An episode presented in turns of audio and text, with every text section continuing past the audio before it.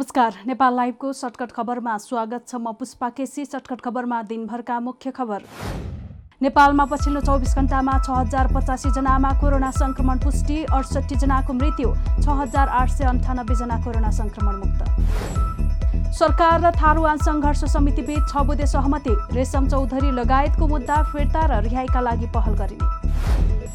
लुम्बिनी प्रदेशको राष्ट्रिय सभा उपनिर्वाचनमा अन्तर्घातले पराजित भएको एमालेको निष्कर्ष पार्टी एकता बचाउन अन्तिमसम्म प्रयास गर्ने स्थायी कमिटी बैठकको निर्णय। यस वर्षको एसइई परीक्षा आन्तरिक मूल्याङ्कन विधिबाट गर्ने मन्त्री परिषदको निर्णय कक्षा बाह्रको परीक्षाबारे भने निर्णय हुन बाँकी। विवेकशील साझा पार्टीका नेता उज्जवल थापाको निधन कोरोना संक्रमण भएर मेडिसिटी अस्पतालमा उपचार थापाको निधन भएको अस्पतालले दियो जानकारी।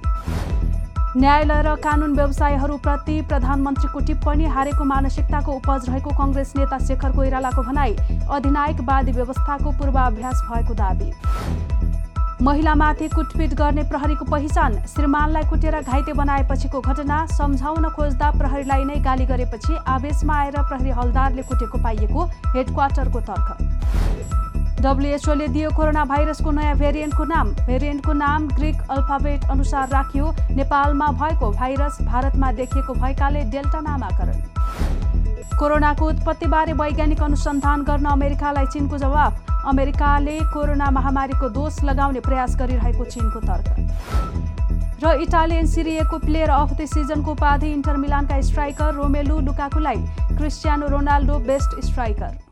Nepal लाइभको सर्टकट खबरमा दिनभरका मुख्य खबर आजलाई यति नै। नमस्कार।